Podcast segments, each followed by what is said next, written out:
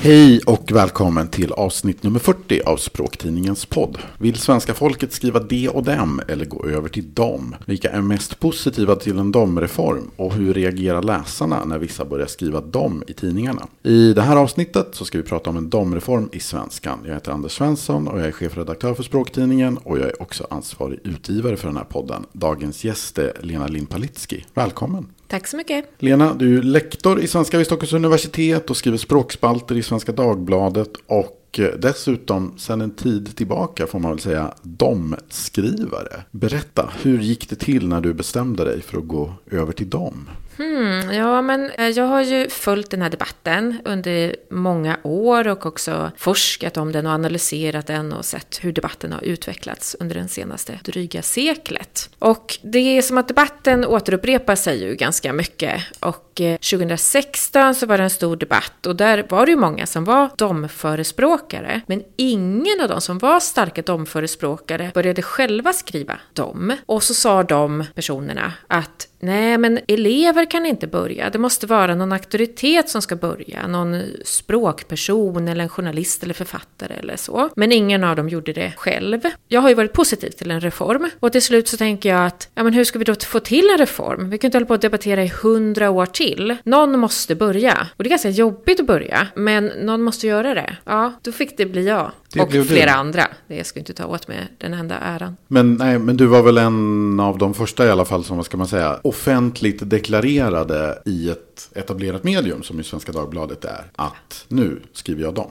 Absolut. Men du var ju väldigt snabb på att haka på får man ändå säga. Ja, jag hakade på. Jag resonerade väl ungefär på samma sätt. Jag tror ju också att det här är, att gå över till dem tror jag att på sikt är bra för att värna och vårda svenskan. Och och eh, samma sak, jag tycker inte man kan lägga det här ja, ansvaret på att, att det ska vara elever i skolan som ska ta första steget. Men det behöver komma från personer som ja, men har någon form av, ja, det känns ju alltid lite förmätet när man säger så om sig själv, men som ändå har någon form av auktoritet och förhoppningsvis trovärdighet i ett sånt här beslut och också kan argumentera för det. Ja, men dels det och dels att eh, både du och jag har ju vår pyttelilla plats i en stor dagstidning och att man då får utnyttja det utrymmet. Det är ju lättare att få spridning om man har någon typ av kanal och sprida det i, i ett offentligt sammanhang. Precis, det märks ju lite tydligare än om det är en ja, insändarskribent som kämpar för att få in sina texter i lokaltidningen eller sådär. Exakt, då får de säkert sina dom ändrade också så att redaktören skriver det och dem istället. Jag skulle gissa att det har hänt ganska många gånger. I nummer 7 2022 av Språktidningen som börjar delas ut idag den 19 september om du lyssnar på den här podden när den släpps så skriver jag om dom-uttalets historia i svenskan. Och jag beskriver också hur vi både tidigare idag har diskuterat då en övergång till dom också i skrift. Och i samarbete med opinionsinstitutet Novus så har vi genomfört en undersökning där vi då har frågat svenska folket hur de ställer sig till en domreform. Och det här resultatet, ja, jag skulle väl säga att det är lite splittrat. Det är då 39 procent som säger nej, vill fortsätta att skriva det och dem. Det är 26 procent som säger ja till en domreform. Det är 31 procent som svarar att de varken är positivt eller negativt inställda. Och så är det 5 procent som uppger att de inte vet. Lena, vad säger du om det här resultatet? Alltså det är lite svårt tolkat tycker jag. Det är inte jättetydligt. Ett resultat är ju att det är ganska många som varken är positiva eller negativa. Som faktiskt kanske inte är så intresserade av den här språkfrågan som vi är. Som tycker att, ja men herregud, det är krig i Ukraina. Varför ska vi bry oss om det här? Jag vet inte om det är så de resonerar, men så kan jag också resonera ibland. Att det lyser igenom, det blir jag på ett sätt ganska glad för. Jag kan också tänka mig att det kanske är ganska många som, man kanske inte riktigt tänker på det som att här ska jag själv fatta ett beslut. Och därför har man inte funderat på det, utan man är kanske van vid att man får regler serverade från, ja, man lär sig något, ett visst sätt i skolan eller något sånt där. Och sen kanske man inte riktigt har ett eget förhållningssätt egentligen till den här regeln, utan man bara, man skriver kanske DDM eller genomgående dom, vad vet jag. Mm. Men har kanske inte gjort någon mer grundlig analys av det.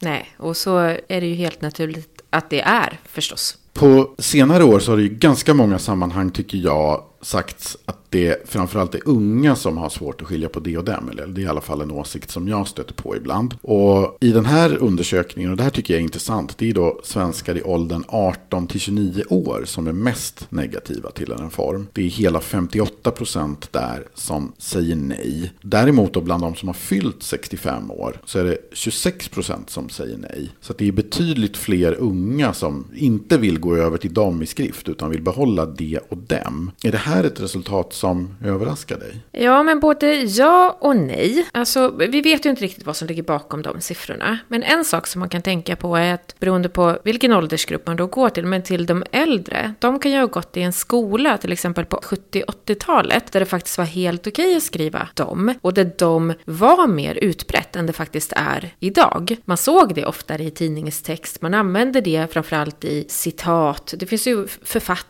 som har använt dem framförallt i, som ett sätt att skilja talspråklighet från skriftspråklighet. Och då kanske man är mer van med den här typen av skiftningar eller debatter eller så. Medan de som är unga idag, de har ju vuxit upp i en skola där man faktiskt inte har tillåtit att skriva dem i någon större utsträckning. Så på det sättet så är jag inte jätteförvånad. En annan siffra som jag tycker sticker ut lite det är då att 9% av de som är studenter, de vill ha en domreform. Medan i gruppen arbetare så är det hela 31% som vill ha en domreform. Hur tolkar du det resultatet? Ja, men jag tänker att alla yrken idag skriver ju ganska mycket i sina jobb, de allra, allra flesta. Om man är arbetare kanske man har lägre utbildning. Man kanske tycker att det här är svårt och tycker att det skulle underlätta väldigt mycket om någon sa att men nu är det helt okej att skriva dem. Och så slipper man fundera på det och man kanske är väldigt osäker på det när man behöver skriva. Så det är nog ett ganska väntat resultat. Däremot så kan man väl bli lite mer förvånad för att många förändringar föds ju liksom bland de unga 呀。Och de äldre brukar vara mer konservativa. Så det är ju lite förvånande att så många unga är så konservativa. Men det kan ju också bero på att de, att de nyss har lärt sig, att de har förvärvat den här kunskapen, de har tragglat i skolan, de har gjort lukttester och blivit rättade av sina lärare och arbetat ganska hårt för att förvärva den här kunskapen och så ska den vara värdelös eller bortkastad. Det kan man ju förstå att man inte vill. Det är väl en förklaring som jag tänker mig är kanske lite sannolik, att de här har ganska nyligen lärt sig. Och sen så kommer den här undersökningen bara kanske något år senare. Och allt det där du kämpade så hårt för att lära dig i skolbänken. Nej, vi drar ett streck över det. Mm. Det var inte så viktigt. Mm, precis. Förstår hur många timmar av ditt liv du bara har slösat bort. Då.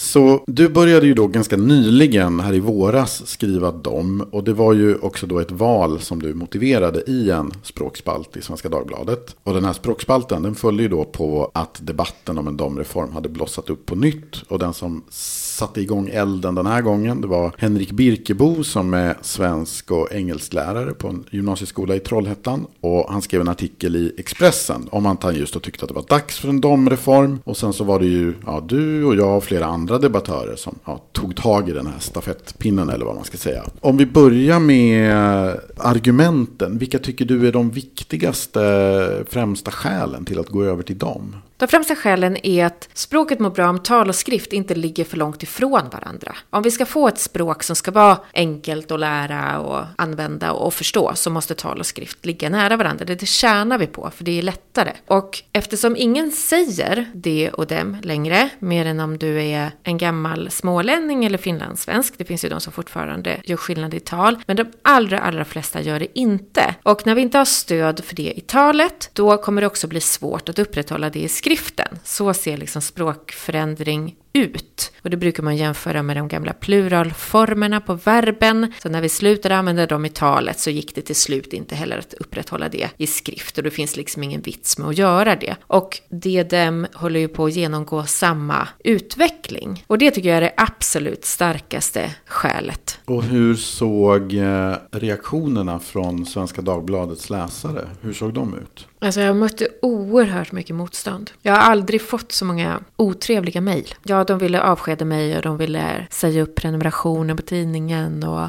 förstod inte hur jag kunde jobba på ett universitet och så vidare. Det är väldigt starka reaktioner. Folk blir otroligt upprörda på ett sätt som eh, jag kan tycka att det finns andra frågor som jag ibland skriver om som kanske borde uppröra mer eller så. Men eh, den här frågan är den som upprör allra, allra mest. Det var väldigt starka reaktioner. Och de som kontaktade mig var ju mest de som var negativa. Sen fick jag också lite positiva hejarop. Och de här som kontaktade dig och var starkt negativa, fick du någon känsla för varför den här DDM-dom-frågan, varför den har så stor symbolik? Ja, men det är ju just en symbolfråga. Och det är ju att man kopplar ihop på något sätt att man tycker att språket förflackas då, att det blir sämre. Och på något sätt så kopplar man ihop det med, med att samhället blir sämre. Man tänker att ja, men om människor inte kan upprätthålla den här skillnaden mellan det och dem, vart är samhället på väg? Vi kan ju inte ens upprätthålla liksom en bra samhällsstruktur längre. Och det kopplar man liksom ihop, att den här språkförändringen också skulle föra med sig eller att den led liksom i den här samhälls förflackning förpackningen. Och det är den kopplingen. Det är så här, vart är världen på väg när vi inte längre kan skilja på det och dem? Har människor blivit jättelata? Hur ska det gå för Sverige? Hur ska det gå för världen? Jag, jag känner ju igen den typen av reaktioner. Jag fick ju betydligt mer negativa reaktioner i DN än av språktidningens läsare. Jag skulle säga DN då är det en ganska klar majoritet negativa. Språktidningen är det nog nästan jämnt. Kanske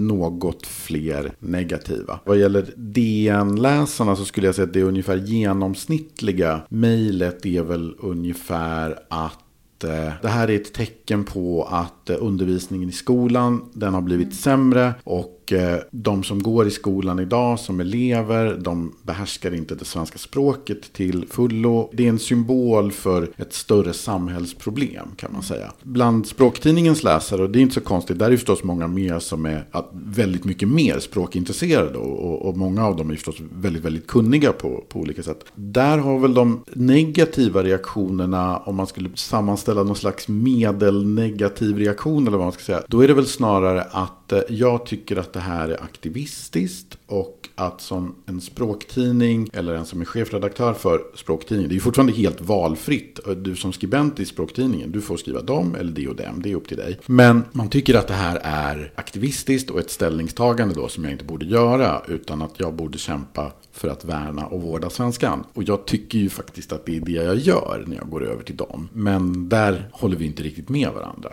Hur reagerade dina kollegor här på universitetet? Alltså det finns olika läger på universitetet också. Många av mina kollegor håller med mig i sak att en domreform är oundviklig och att det är väl den vägen vi måste gå. Eftersom mina kollegor vet väldigt mycket om språkförändring och hur språket funkar så förstår alla att det är så här det kommer att gå. Men däremot kan de ha personliga skäl till att säga, men det är ju, jag tycker att det är så jobbigt eller jag tycker det ser fult ut eller eh, jag vill inte riktigt gå över själv. Så jag har inte sett så många som själva har ändrat. Mer än möjligtvis Olle Josefsson som jag är på min sida. Det känns ju betryggande. Ja, eller hur? Rent praktiskt, när du skriver, behöver du tänka på ett annat sätt när du skriver Uff. än när du skriver dem istället för DDM? Det är jättejobbigt. Det är jobbigare än vad jag någonsin hade kunnat föreställa mig faktiskt. Att skriva DDM går per automatik. Och jag måste tänka efter, jag måste medvetandegöra. Och om det är någon text som är viktig, som jag ska skicka till tryck eller så, så kollar jag igenom den innan. Och ganska ofta, eller mer och mer sällan, men ändå ganska ofta så har det slunkit igenom att framförallt ett D och framförallt en bestämd artikel. Alltså så här, de gamla gubbarna eller så. Aldrig när det ska vara dem, det förekommer liksom inte. Då kommer det helt naturligt med dem. Men just de där artiklarna är svåra, tycker jag. Men sen är det också så att jag skriver ju inte dem faktiskt genomgående i alla texter. Jag skriver den i offentligheten för där tycker jag att det, är, jag vill göra det för att det ska göra skillnad. Men om jag till exempel ska skriva ett myndighetsbeslut i min roll på jobbet, där kan jag inte riktigt skriva dem. För där är det inte jag som person som ska synas. Jag ska ju vara liksom osynlig. Och där syns man lite om man skriver dem i den typen av texter. Så där gör jag det inte än. Sen vacklar jag lite i andra sammanhang också. Och har jag bråttom alltså om jag skriver väldigt snabba mejl och sådär, då tror jag att jag ganska ofta skriver det och det fortfarande. Men vad tycker du? Tycker du att det har varit lätt att ställa om? Det känns som att du har tyckt det varit lättare än jag. Ja, jag tycker nog att det har gått över förväntan måste jag säga.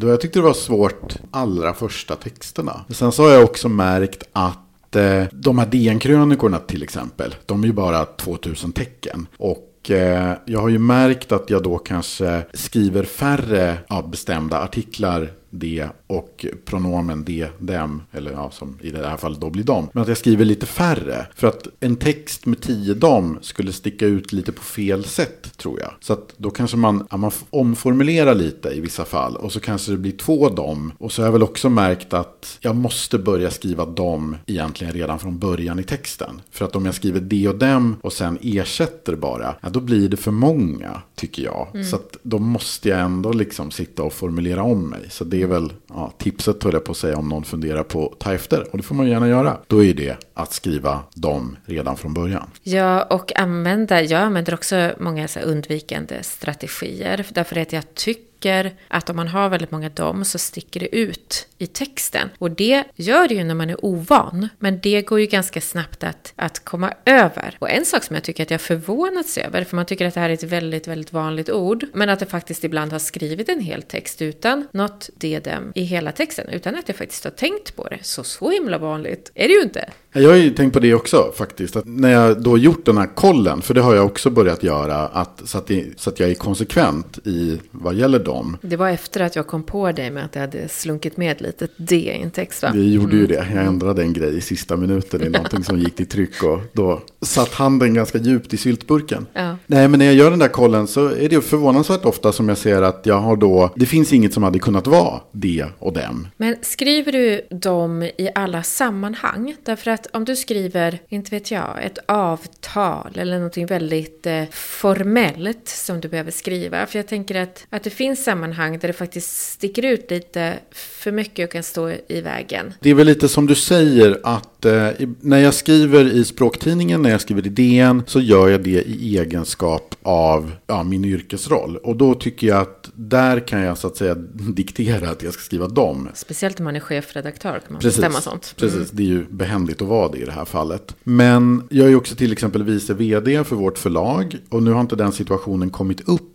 men jag kan ju möjligen tänka mig på samma sätt som du i vissa typer av myndighetsbeslut. Så där skriver ju inte jag under, jag är mycket mindre person mm. om jag skriver ett avtal än om jag skriver en krönika. Så där kanske skulle bli det och dem. Mm. Om, om det kändes som att situationen påkallade det eller vad vet jag, motparten tyckte det här var konstigt. Och Eh, på samma sätt, nu tack och lov är det här många år sedan, men jag satt tidigare med i styrelsen och var sekreterare i en bostadsrättsförening. Och det hade kanske också möjligen varit en sån situation där jag åtminstone hade stämt av och sagt att nu tänker jag börja skriva dem. Ungefär så. Så att jag, inte, jag har inte hamnat i den situationen än. Men det är väl som alltid när man skriver att man får också anpassa sig till sammanhanget och ibland ha, ja, känna av vad som är mest lämpligt. Ja, och ibland så måste man ju underordna sig andras språkregler eller eh, just om man är i ett sammanhang när man ska skriva kollektivt eller så, så får man ju anpassa sig. För det blir ju lite av ett personligt avtryck nu om man skriver dem, eftersom det är så få som gör det. Om jag ska skriva en vetenskaplig artikel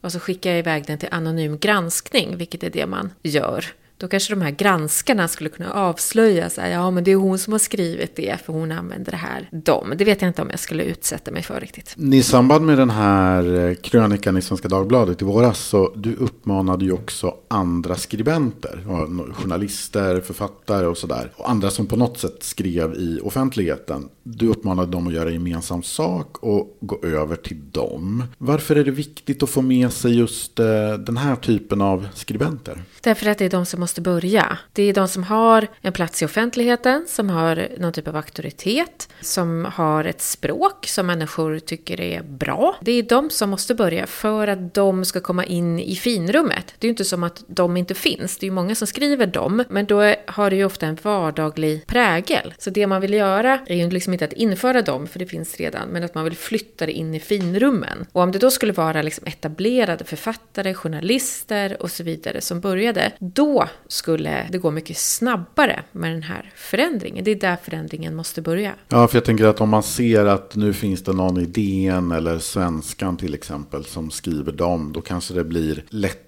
lättare för, nu säger jag inte att lärarna ska gå först, men det blir kanske lättare för andra journalister att eh, sluta upp bakom det här om man tycker att det är en bra förändring. Eller kanske för lärare att åtminstone på gymnasiet introducera det och säga att det här börjar närma sig finrummet på ett sätt som man kanske inte gjort tidigare. När det mer haft väldigt stark talspråksprägel. Men jag tänker jättemycket att den här typen av språkförändring kan man jämföra med när hen kom in i finrummet. Därför att det hade ju använts av många, men lite mer i periferin under väldigt lång tid. Och sen när det liksom kom in i finrummet, då sneglade ju alla på varandra. Det var ju verkligen så. Åh, DN tillåter inte hen. Nej, men då kan inte vi göra det heller. Men jag har hört att man på den här myndigheten har använt hen. Jag jobbade ju på språkrådet då och många som frågade oss på språkrådet. Vi samlade liksom exempel på så här, nej, men det finns flera myndigheter. Ja, men då kan vi också. Och den typen av språkförändring tror jag att det kommer bli nu också när det gäller dem, förhoppningsvis. Så att man, ser, man sneglar på varandra och säger man de gör, då kan vi också. Spännande, jag kommer ihåg när vi, på den tiden så hade ju Språktidningen en blogg som jag drev och med någon slags daglig bevakning. Och då kunde det verkligen vara så här, då kunde en nyhet vara, nu har den här hovrätten skrivit hen i en dom. Och att det var en nyhet i sig. Så vi får väl se, man kanske får sitta och samla exempel på nytt här. Precis, framförallt om det är redaktionen som går över till dem. För det är det som krävs för att det ska bli någon typ av förändring. Det är att man måste fatta redaktionella beslut till exempel. Eller att någon författare författare bestämmer sig, jag skriver dem i den här romanen. Så det kan vara viktigt att få till exempel tongivande skribenter, journalister, författare med sig. Det var många journalister som uttalade sig när den här debatten var aktuell här i våras. Jag såg att till exempel Jennifer Weger uppe i Expressen, hon tyckte att det här var att nedvärdera kunskap, att inte, om man då inte skulle lära ut det och dem eh, i skolan. Och på Twitter så skrev Anna-Lena Laurén, som ju är Rysslands korrespondent för Dagens Nyheter, skrev på Twitter denna svenska rädsla för att inte framstå som progressiv är otroligt fascinerande. Om det är så ofrånkomligt med dem, varför måste vi uppmana skrivare? Skriv ett jävla dom, varsågoda. Ni kan ju bara försöka få mig att göra det. Det var ju det vi gjorde, skrev de. Ja. ja, men det här med att jag får lite känslan av att hon tänker att nu ska hon tvingas in i domfållan. Men det är ju inte så att en sån här förändring kommer ske över en natt. Nej, så sker ju aldrig språkförändring och har aldrig någonsin gjort. Och det är ju inte heller så att det kommer en myndighet med några propåer om att nu måste alla skriva dem. Utan språkförändring går ju till så att vissa börjar, andra följer med och när det verkligen ändras då är det ju just det här med att man fattar redaktionsbeslut, att den här tidningen går över eller vi skriver så här vissa böcker eller läromedel eller så. Eller att man ändrar i riktlinjerna för nationella proven i skolan där det faktiskt står att eleverna ska skriva det och dem. Och det är ju då språkförändringen sker. Men för att den språkförändringen ska ske så måste ju bruket vara tillräckligt utbrett. Så när tillräckligt många enskilda personer går över till att skriva dem så kommer ju till slut då också redaktionen redaktioner och så vidare att ändra sina språkpolicyer.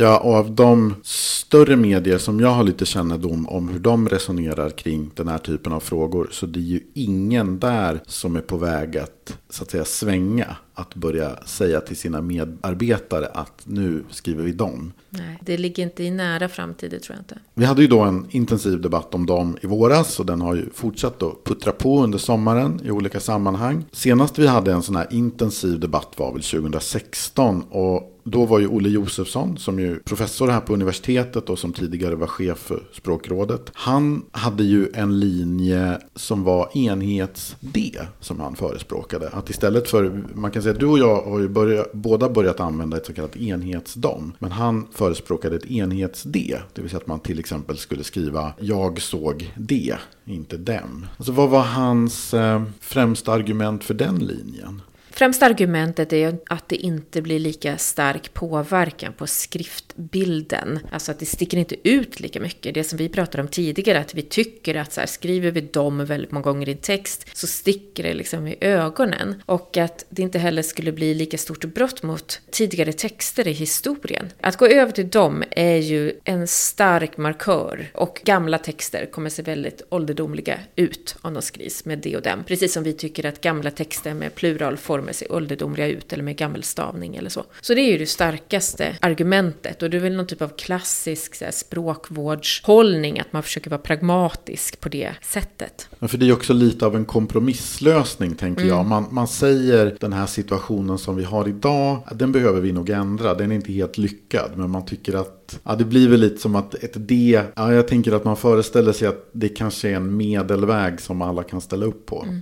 Men det var ju nästan ingen som ställde upp på den medelvägen faktiskt. Olle propagerade ju för den och han gjort det tidigare också, men han skrev en lång text då. Och det är som att många teoretiskt kan hålla med, men att om man faktiskt skriver så i text så ser det ju fel ut. Att skriva dem, det kan sticka i ögonen och se liksom vardagligt ut, men det är aldrig fel. Och när man skriver fel på det och dem så ser det ju verkligen fel ut. Då tror man att skribenten inte behärskar det här. Ja, min känsla, det här är ju inte någonting som jag egentligen har någon slags vetenskapliga belägg för. Men min känsla är ju att de som idag tycker att det är svårt att svälja jag såg dem. Om jag får gissa så tror inte jag att de hellre skulle svälja jag såg det. Nej, det tror inte jag heller. Vi har ju diskuterat en domreform i svenskan i årtionden. Och debatten har ju bitvis varit väldigt het, åtminstone sedan 70-talet. Och du tror ju till exempel att förr eller senare kommer en reform. Det tror jag också. Det tror till exempel Olle Josefsson också. Men om det inte skulle bli en domreform, och det verkar inte heller som att Olles förslag om ett enhets-D, ja det har han väl själv till och med sagt nu på, här på sistone, att det tåget har gått så att säga. Vad finns det för andra alternativ om, om domreformen inte kommer? Ja, men då finns det nog alternativet att vi får acceptera att det är en stor variation. Det är ju också en väg framåt. Så kan man också tänka. Att vi får acceptera att vi ser allt mer variation mellan när det ska vara det och dem. Och att man kanske öppnar upp för att det inte ska följa så här bestämda grammatiska regler utan att eh, man får göra lite som man vill. Man får använda det och dem men man får använda det mycket mer fritt. I praktiken så är det ju så det ser ut mer och mer i offentliga texter eller sånt som man ser, inte redaktionella texter, men i väldigt många människors språk. Det är ju en annan väg att öppna upp för den acceptansen. Och jag vet, många tycker att det är bättre än en domreform. Jag tycker att det är sämre. Men eh, det kan man ju verkligen tycka olika om. Ett annat spår, om man vill hålla fast vid det och det, det är ju att man får anställa väldigt mycket mer redaktörer och korrekturläsare. En annan väg är ju för de som verkligen, verkligen vill hålla kvar vid det och dem. Då är ju tipset att man ska börja säga det också i talet. Så att man får det här stödet i talet som vi inte längre har. Så att man börjar uttala det och dem på det sättet, eller de och dem. Då kan man ju också få bättre stöd för det och då kanske det skulle vara lättare att upprätthålla det även i skriften. Det är ju inte ett jätteseriöst förslag, men det är ju lite den vägen man skulle behöva gå om man ska fortsätta hålla kvar det och dem på lång sikt. Ja, men precis. Då kanske man får löpa linan ut. Och det är kanske så man bäst egentligen då hjälper både sig själv och andra. Mer än att så att säga skälla ut den som skriver dem springer. Så får man kanske istället själv säga det springer. Eller så får man ägna otroligt stor del av svenskundervisningen i skolan åt att lära ut den här distinktionen. Och det är såklart inte omöjligt. Det är inte omöjligt att lära människor att kunna skilja på det och dem. Men då ska man ju vara medveten om att då får man ta bort någonting annat ur svenskundervisningen. Någonstans måste det ju komma till en gräns när man känner att men det här är inte värt det. Om vi får stryka och lära oss olika genrer i texter eller att eh, all skönlitteratur ur svenskundervisningen för att man ska ägna en mycket stor del av undervisningen undervisningen åt den här problematiken. Det är klart att man kan göra det, men någonstans kommer man till en gräns när det faktiskt blir orimligt. Om vi skulle runda av den här podden. Ingen kan ju förstås säga om den här domreformen verkligen kommer eller inte. Det vet vi ju inte idag. Men eh, skulle du kunna gissa någonting om någon slags tids aspekt. Om vi skulle få se en mer allmän övergång till dem i tryckta medier, i kanske myndighetstexter och sådär. Är det fem år? Är det 15 år? Är det 50 år? Har du någon känsla för vad det skulle kunna handla om? Nu gissar jag ju hej vilt, men jag vet att jag under den här debatten 2016 så fick jag den frågan när jag var med i Aktuellt och diskuterade det här. Och då sa jag att jag tror att vi kommer ha sett en förändring om en generation. Och om man tänker att en generation är 30 år så tror jag att det är ganska rimligt. Så då är det väl ungefär 20-25 år kvar nu då. Vad härligt. Så att vi, vi kommer ha kunnat gått i pension och eh, skörda frukterna så att säga. Skörda frukterna, förhoppningsvis uppburna. ja, det märks ju vilken självbild vi har här också. Det är alltid ja, härligt när den kommer fram. Ja.